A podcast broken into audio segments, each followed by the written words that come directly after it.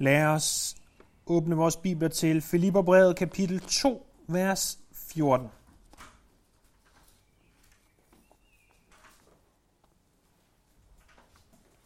Her skriver Paulus, Gør alt uden at give ondt af jer, uden indvendinger, så I kan være uangribelige og uden svig.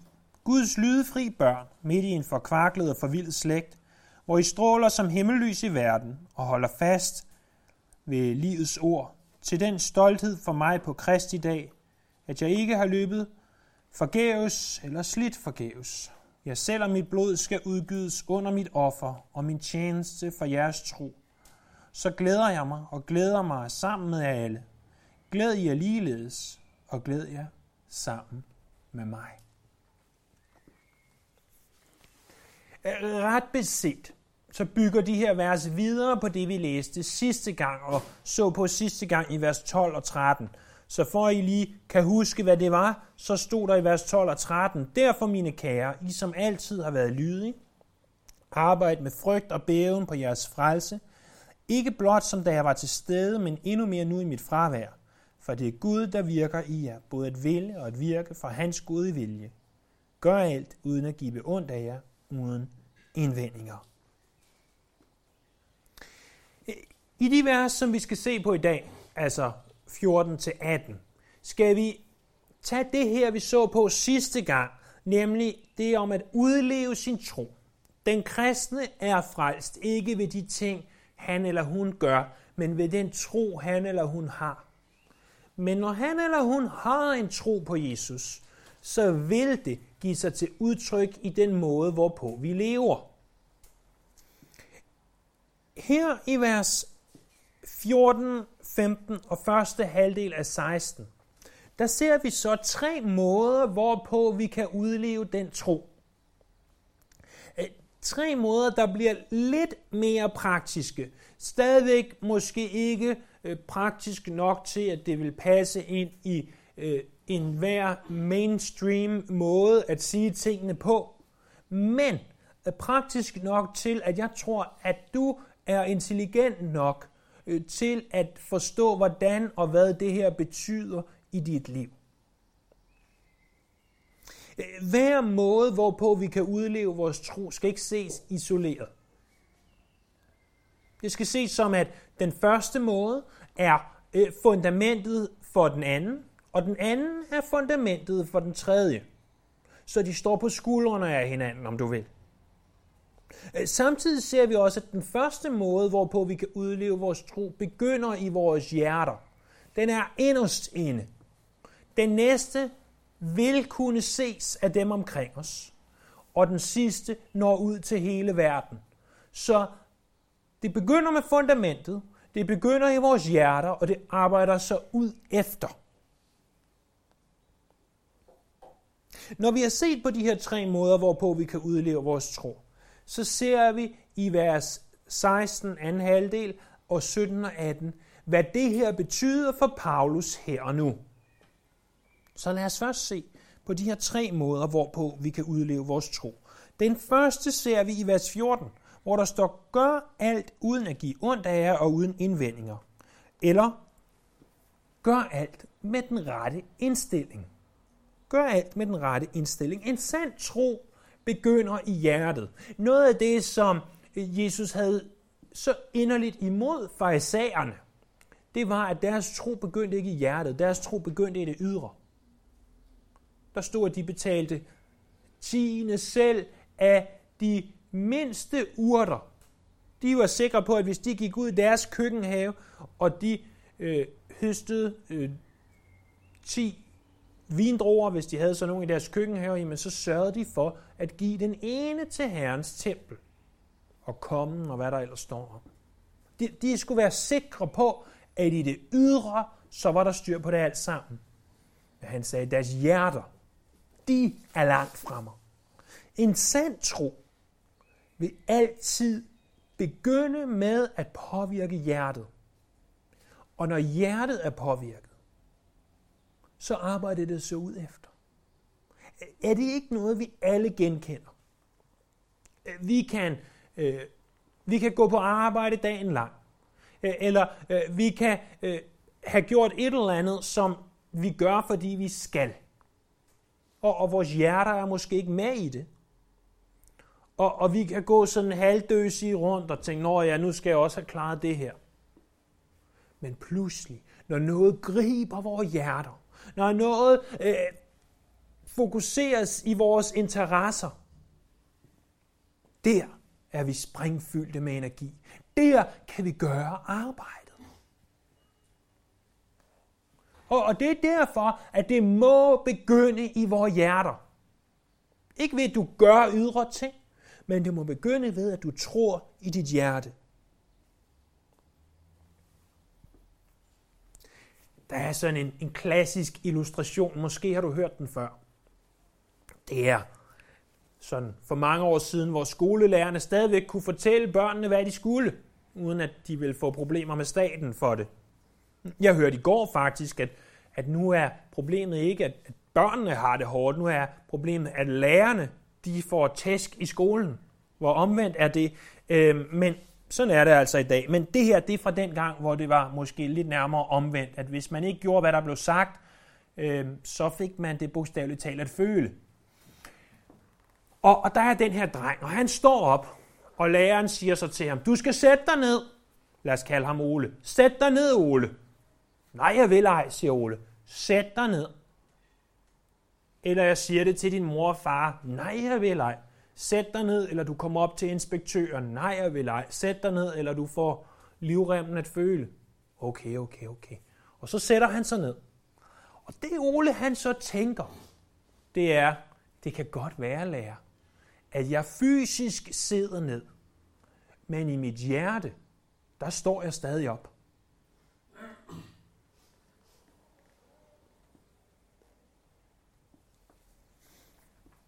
Er det ikke sandt? At vi godt kan i en eller anden grad forsøge at udleve det kristne liv. Jeg siger ikke, at det er nemt at leve det kristne liv. Men vi kan godt gøre bevægelserne. Vi kan godt rejse os under lovsangen på de rigtige tidspunkter. Vi kan godt slå op i Bibelen, når der bliver sagt, at vi skal det. Eller sådan mere eller mindre smøre et smil på de to timer, vi er her søndag formiddag. Det, det, mere eller mindre. Det er ikke altid, det er ikke altid lige nemt, men, men de fleste gange kan det lade sig gøre. Men hvis det bare er noget, du gør, men i dit hjerte gør noget andet,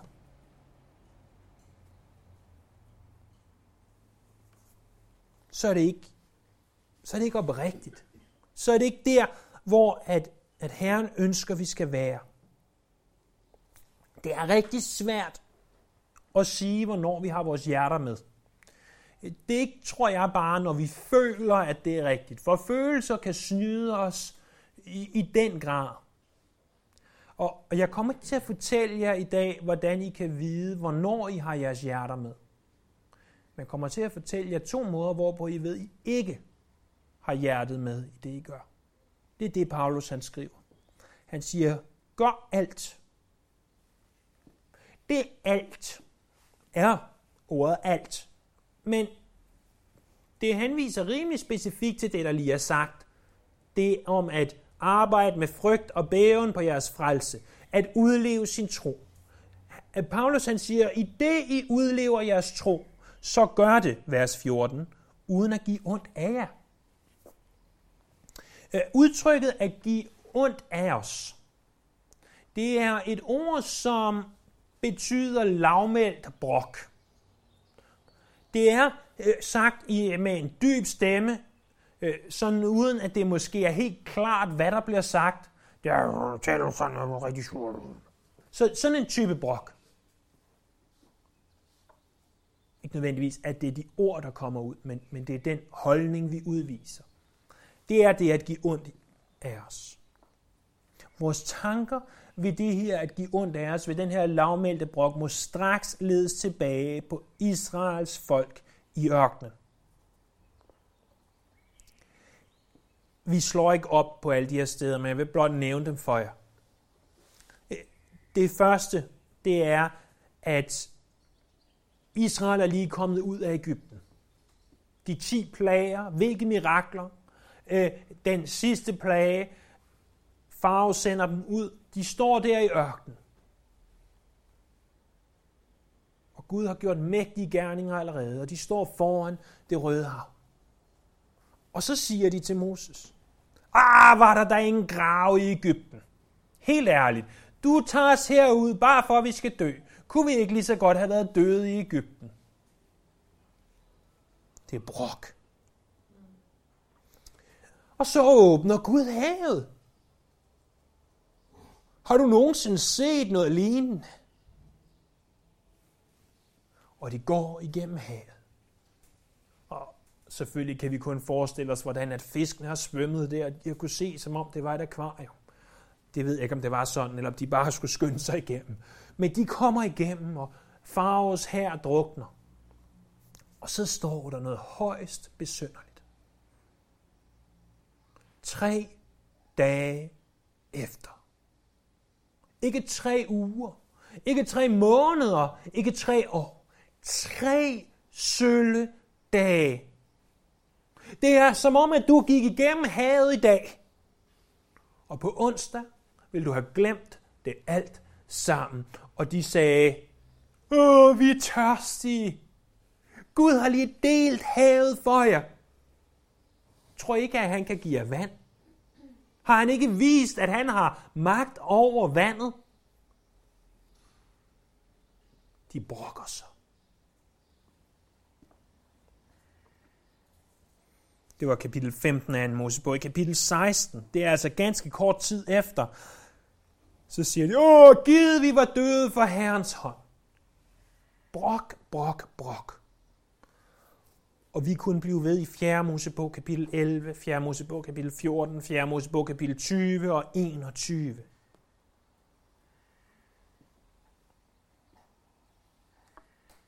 De blev ved. De blev ved, de blev ved. Det er ikke bare at give ondt af os, det er også indvendinger. Der står indvendinger, det betyder at diskutere med Gud. Det er ikke, at vi stiller et spørgsmål og siger, åh Gud, hvorfor sådan og sådan. Det er, at når vi begynder at gå i diskussion med Gud og sige, ah Gud, jeg synes, det havde været bedre, hvis du havde gjort sådan og sådan. Vi ved jo godt, at det er en diskussion, vi altid vil tabe. Det er de to ting. At, at hvis det er i dit hjerte under din tilbedelse, hvis det er i dit hjerte, i det du lever og udlever din kristne tro, øh, hvis du ikke kommer med den rette indstilling, men hvis du sådan sidder og tænker, Nå, hvorfor gør han sådan, når vi lovsynger? Hvorfor sidder hun sådan, når vi og det irriterer mig, at hun gør sådan, eller han gør sådan, når vi sidder og studerer ordet. Hvis det, hvis det er det, eller, eller Gud, åh Gud, hvorfor er det så varmt i dag? Hvorfor har du gjort, så det blev så varmt? Hvis det er det, der bliver ved med at være din indstilling, så kommer du ikke med de rette motiver. Åh, jeg ved godt, at det her det er noget, vi alle falder i. Vi, vi befinder os indimellem og måske oftere end vi tør indrømme, øh, det samme sted som Israels folk. Vi har set havet kløvet, sådan ikke helt bogstaveligt, men billedligt talt. Og så tre dage senere, åh, vi er tørstige. Er, er det ikke så meget lige os, at vi ønsker at diskutere med Gud, åh Gud, hvorfor gjorde du sådan? Hvorfor var det sådan? Men Paulus fortæller os, at hvis vi vil udleve vores tro, så begynder det med, at vi har den rette indstilling i vores hjerte. Og den rette indstilling er ikke at leve et liv i brok. Et liv i diskussion med Gud. Den anden måde, hvorpå vi kan udleve vores tro. Og husk, den står på skuldrene af, at vi har den rette indstilling i hjertet. Den anden, det er, at vi lever et liv, der er Gud til behag. Prøv at se der i vers 15 så I kan være uangribelige og uden svig. Guds lydefri børn midt i en forkvaklet og forvildet slægt.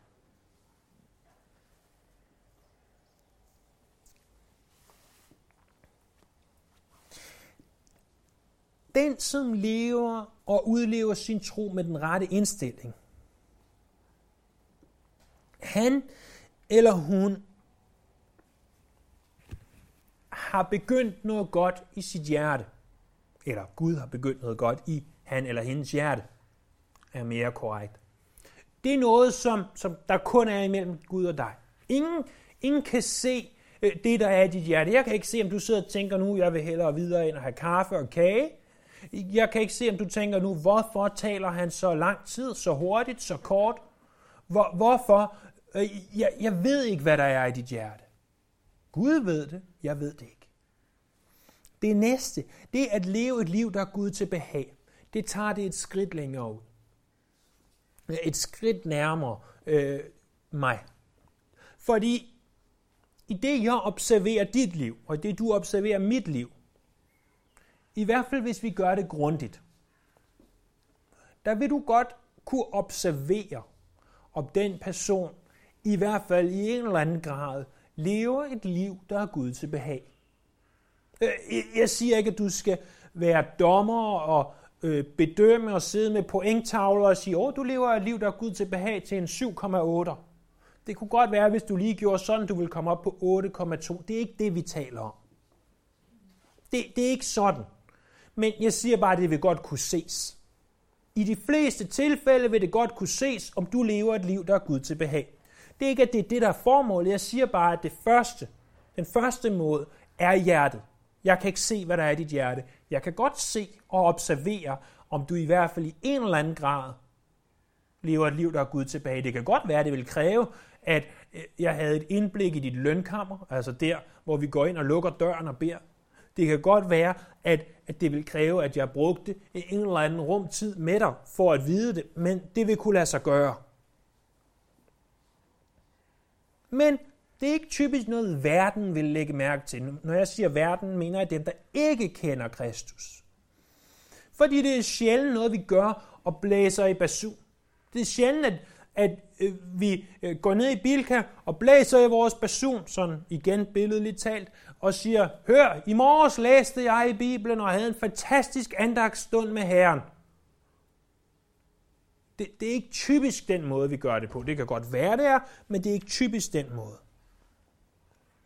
Okay, i det, det så er etableret, så står der, I kan være uangribelige og uden svig. Det er at have et uangribeligt liv. Det betyder at have et liv, hvorpå der ikke er noget at udsætte. Der er ikke nogen, der kan sætte en finger på det. Og nu kan jeg se, at I alle sammen får et frygteligt bange blik, øh, fordi det ved I godt. Men det er der ikke nogen af os, der har. Hvis hvis paparazzi-fotograferne graver dybt nok, så vil de kunne finde noget at udsætte på os alle sammen. Lad dem rejse en 1500, hvad hedder det, 4500 år cirka tilbage i tiden til Noahs tid.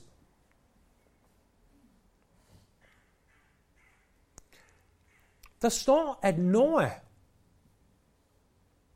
i 1. Mosebog kapitel 6, vers 9, var uangribelig i sin generation. Der var ikke noget at udsætte på ham. Men jeg lover dig en ting. Hvis paparazzi-fotograferne, der selvfølgelig ikke døde i søndfloden åbenbart, havde ligget klar i det øjeblik, at Noah kom ud af arken, og han planter en vingård, og drikker sig fuld, og står der øh, nøgen, øh, og de kunne have taget billeder af ham, så havde han ikke længere i paparazzi-fotografernes linse været anset for uangribelig. Men tænk så, det var det, Bibelen siger om ham. Han var uangribelig, ikke fordi han var perfekt, men fordi han var villig til at indrømme sin fejl. Så tog de der paparazzi-fotografer ind i deres tidsmaskiner og flyver nogle 100 år længere frem. Og de møder en mand, der hedder Abraham. Og der står om Abraham i 1. Mosebog, kapitel 17, vers 1, at han var også uangribelig. Der var ikke noget at udsætte på Abraham. Men hvis paparazzi-fotograferne havde fulgt efter ham, da han drog til Ægypten og løj om sin hustru, så kunne de godt have taget billeder og sat på forsiden af den tids ekstra blad og BT. Men Abraham levede ikke et perfekt liv, men et liv, hvor han var villig til at indrømme sin søn. Derfor var han uangribelig. Og hvad med Job? Vi er ikke sikre på, hvornår Job har levet. Det har måske været før alt det her. Der står som Job, han var uangribelig. Og øh, han, han levede et, et virkelig tæt liv med Gud. Men alligevel sker det samme for ham. Han brokker sig. Åh Gud, hvorfor skulle det her ske for mig? Åh, hvorfor, hvor er det forfærdeligt? Men ikke en mand, der var perfekt, men en mand, der var villig til at indrømme sin søn. Vi ser ikke bare, at den her anden måde, hvorpå vi kan udleve vores tro, er at være uangribelig. Det er også at være uden svig. At være uden svig betyder bogstaveligt at være at noget ikke er opblandet. At der ikke er noget til at ødelægge smagen. Det kunne være sagt om vin. Vin uden vand i. Og vi kunne øh, sikkert finde masser af andre nutidige illustrationer og sige, det er noget, der ikke er opblandet. Der er ikke noget, der er ikke noget, der udvander ham her eller hende her.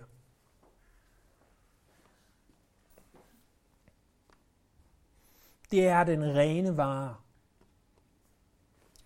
Så den første måde, hvorpå vi kan udleve vores tro, det er ved at komme med den rette indstilling. Og den rette indstilling er ingen brok, ingen nyttesløse diskussioner med Gud. Den anden måde, hvorpå vi kan udleve vores liv, det er ved at leve et liv, der er Gud til behag. Det er det, det her vil sige. At vi lever, så der ikke er noget at udsætte på os. Ikke fordi vi er perfekte, men vi er villige til at indrømme, når vi synder. Der er ikke noget kunstigt ved os. Vi er ikke opblandet med alt muligt. Vi er den rene vare. Den tredje og sidste måde, som vi ser, hvorpå vi kan udleve vores tro, det er ved vores vidnesbyrd i handling og ord. Det er det, der står øh, videre her i vers 15. I er lydefri børn midt i en forkvaklet og forvildet slægt, hvor I stråler som himmellys i verden, og I holder fast ved livets ord. Et himmellys er bogstaveligt ordet for en stjerne. En stjerne er jo naturligvis noget, der i en eller anden grad oplyser verden om natten, når det er mørkt. Og hvis der er stjerner nok, øh, så hjælper det rent faktisk en lille smule på, at vi kan se. Øh, det kan også betyde andre ting, men det, det er det, som er sådan den bogstavelige tanke. Øh, når lyset skinner fra de her stjerner, så skinner det ikke for sin egen skyld. Det skinner for at oplyse for dem, som skal bruge det. Jesus han kalder os til at være verdens lys. Øh, han kalder os til at oplyse verden. Og i den sammenhæng, hvor han gør det i bjergprædiken, der kalder han os til at oplyse verden ved vores gode gerninger. Så den tredje og sidste måde øh, er to del. Den første del af det er, at vi med vores gode gerninger går ud og oplyser verden. Se, det begyndte inde i vores hjerte. Det ingen kunne se. Så kommer det til det, som kun de, der er tættest på dig, kan observere, nemlig dit uangribelige liv med Gud. Nu kommer det til det, som alle kan se. Dine gode gerninger ude i verden.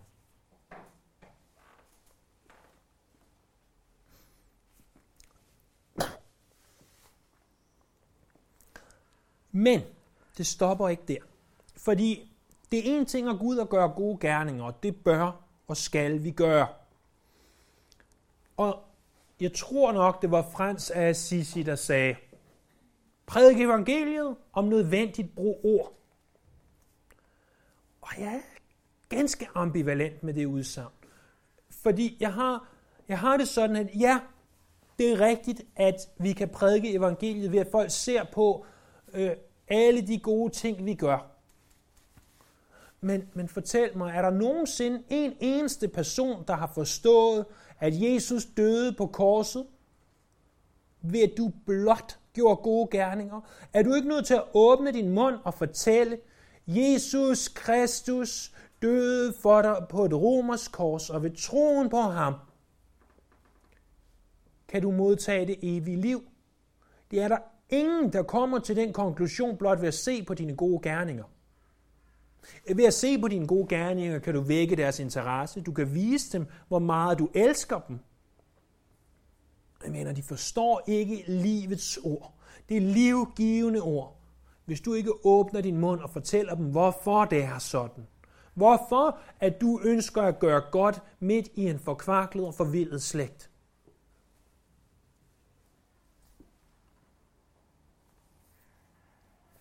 Og det er altså den tredje måde, hvorpå vi kan udleve vores tro. Blot for at opsummere, inden vi kommer til det sidste, som ikke er specielt langt, bare roligt. Så øh, starter det i hjertet, ved at du har den rette indstilling. Det arbejder sig ud efter, ved at du lever et liv, der er Gud til behag. Og til sidst, at det kommer ud i verden, og du gør gode gerninger, og du fortæller folk, hvorfor du gør de gode gerninger. Og så siger Paulus i vers 16, Vi holder fast ved livets ord, til den stolthed for mig på Kristi dag, at jeg ikke har løbet forgæves eller slidt forgæves. Han siger, det her på Kristi dag, den dag Kristus eller Jesus kommer igen, der kan det være min stolthed, det her. Ikke for hans egen stoltheds skyld, men fordi han ønsker, at Jesus må få al æren. Han siger, hvis nu at I lever sådan her, så er alt det slid, jeg har gjort, ikke forgæves. Og ordet for slid er et ord, som betyder øh, at arbejde nærmest til du er ved at besvime. Hvad vi måske forstår fra apostlenes gerninger, så gjorde Paulus det på den her måde, at han stod op formodentlig tidligere om morgenen og gik på arbejde som teltmager, og han arbejdede indtil ved frokosttid, ligesom alle andre. Og når alle andre så lagde sig i skyggen og tog en lur, så gik Paulus ud og forkyndte evangeliet. Og de her to-tre timer senere, når de gik tilbage på arbejde, så stoppede han, gik tilbage på arbejde og arbejdede videre. Det er ganske hårdt. Det er slid. Det er også, som der står, jeg har løbet forgæves. Et ord, som øh, minder os om, hvad der skete i de olympiske lege, når de løb når de løb for at vinde, løb for at, for at få sejrskransen. Og det var ikke forgæves. Han ønskede ikke, at hans arbejde skulle være forgæves. Hvem af os ønsker det? Det har ikke noget med Paulus at gøre, men jeg ønsker da heller ikke, at mit arbejde, mit slider måske så meget sagt, men, men, men min lille del, jeg kan gøre, jeg ønsker næppe, at den skal have været forgæves for Herren. Jeg ønsker da, at det skal gøre, en indvirkning i dit liv og i mit liv og i andre menneskers liv. Selvfølgelig ønsker Paulus det. Ikke for min ære, ikke for, at en eller anden dag må der, må der stå et skilt en dag, at Daniel Jacobsen gjorde store ting overhovedet ikke, men for at det må kunne blive til Guds ære. Og det er det, Paulus siger. Ikke for, at jeg må blive husket, men for, at Gud må blive større. Og han siger også, ikke bare i fremtiden, han siger i vers 17, jeg selv og mit blod skal udbydes under mit offer og min tjeneste for jeres tro. Selvom jeg måtte dø, med andre ord. Selvom jeg måtte dø, så vil jeg gerne glæde mig sammen med jer. Jeg vil glæde mig nu. Og det tror jeg, han siger, fordi han tænker, I gør allerede det her. Jeg kan glæde mig nu. Og så siger du, det er meget godt alt det her. Er det ikke loven? Er det ikke loven, du står og prædiker? Nej, fordi i dag er det jo pinsedag. Og pinsedag er jo ikke først og fremmest en kristen højtid. Det er først og fremmest den anden af tre jødiske fester, som, øh, hvor, hvor i man fejrer, øh, den anden af de tre store jødiske fester. Lad os sige det sådan. Øh, det hebraiske ord for pinse er Shavuot, som betyder ugefesten. Og den lå øh, cirka syv uger efter pinse, og deraf fik den sit græske navn pinse, som betyder 50. Fordi det var syv uger plus en dag, og det giver 49 plus 1, det giver 50. Deraf fik den sit græske navn, Pente, Pente som betyder ja, 50, Pentekost hedder det på engelsk, 50. Det man fejrede i Shavuot, den jødiske højtid, det var øh, både, at nu var den første høst kommet ind, men det var en ting mere. Det var lovgivningen. Det var, at Moses fik Toran på Sinai's bjerg. Loven, som ingen af os kan holde. Jeg prøver langt de fleste aftener at læse en eller anden bibelhistorie med Cornelia. Jeg har desværre ikke en, en meget sådan stringent plan endnu. Men vi tager for lidt forskellige børnebibler. Og vi har en, en bog om de 10 bud, og de anden dag, der læser vi de 10 bud. Øh, og, og vi kigger så på budene og så videre, og så siger til hende, Gud siger, at hvis vi ikke overholder de 10 bud, så fortjener vi at dø. Jeg vil ikke dø, siger hun så. Nej, det kan jeg godt forstå, Cornelia. Men det er derfor, at Jesus må dø på korset, så, og så siger hun, så døde han i stedet for os. Ja, det gjorde han, Cornelia. Tænk så, at en fireårig forstår, øh, jeg kender ikke det danske ord, men det engelske ord, substitutionary atonement, at nogen dør i stedet for os.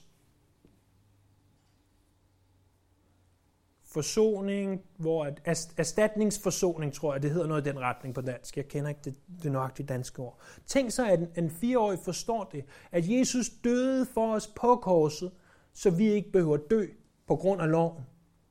Men, men der har vi jøderne, der i pinsen fejrer loven. Og lovgivningen. Og høsten, men lovgivningen. Hvor er det så smukt, at i den nye pagt, der siger Gud ikke, nu til intet gør jeg loven. Han siger, nej, nu giver jeg jer miner i pinsen. Ikke så, at I kan sige, loven er ikke god, men så I kan overholde loven. Så at Guds ånd i os udarbejder de her ting.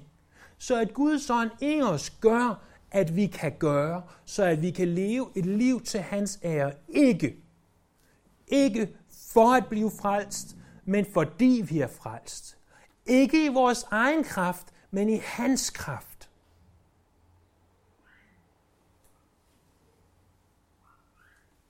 Det er det, som pinsen handler om. Og det er det, som det her, vi har set på i Filipperbrevet kapitel 2. Tre måder at udleve frelsen på også handler om. Det er ikke i egen kraft, det er i åndens kraft. Lad os bede.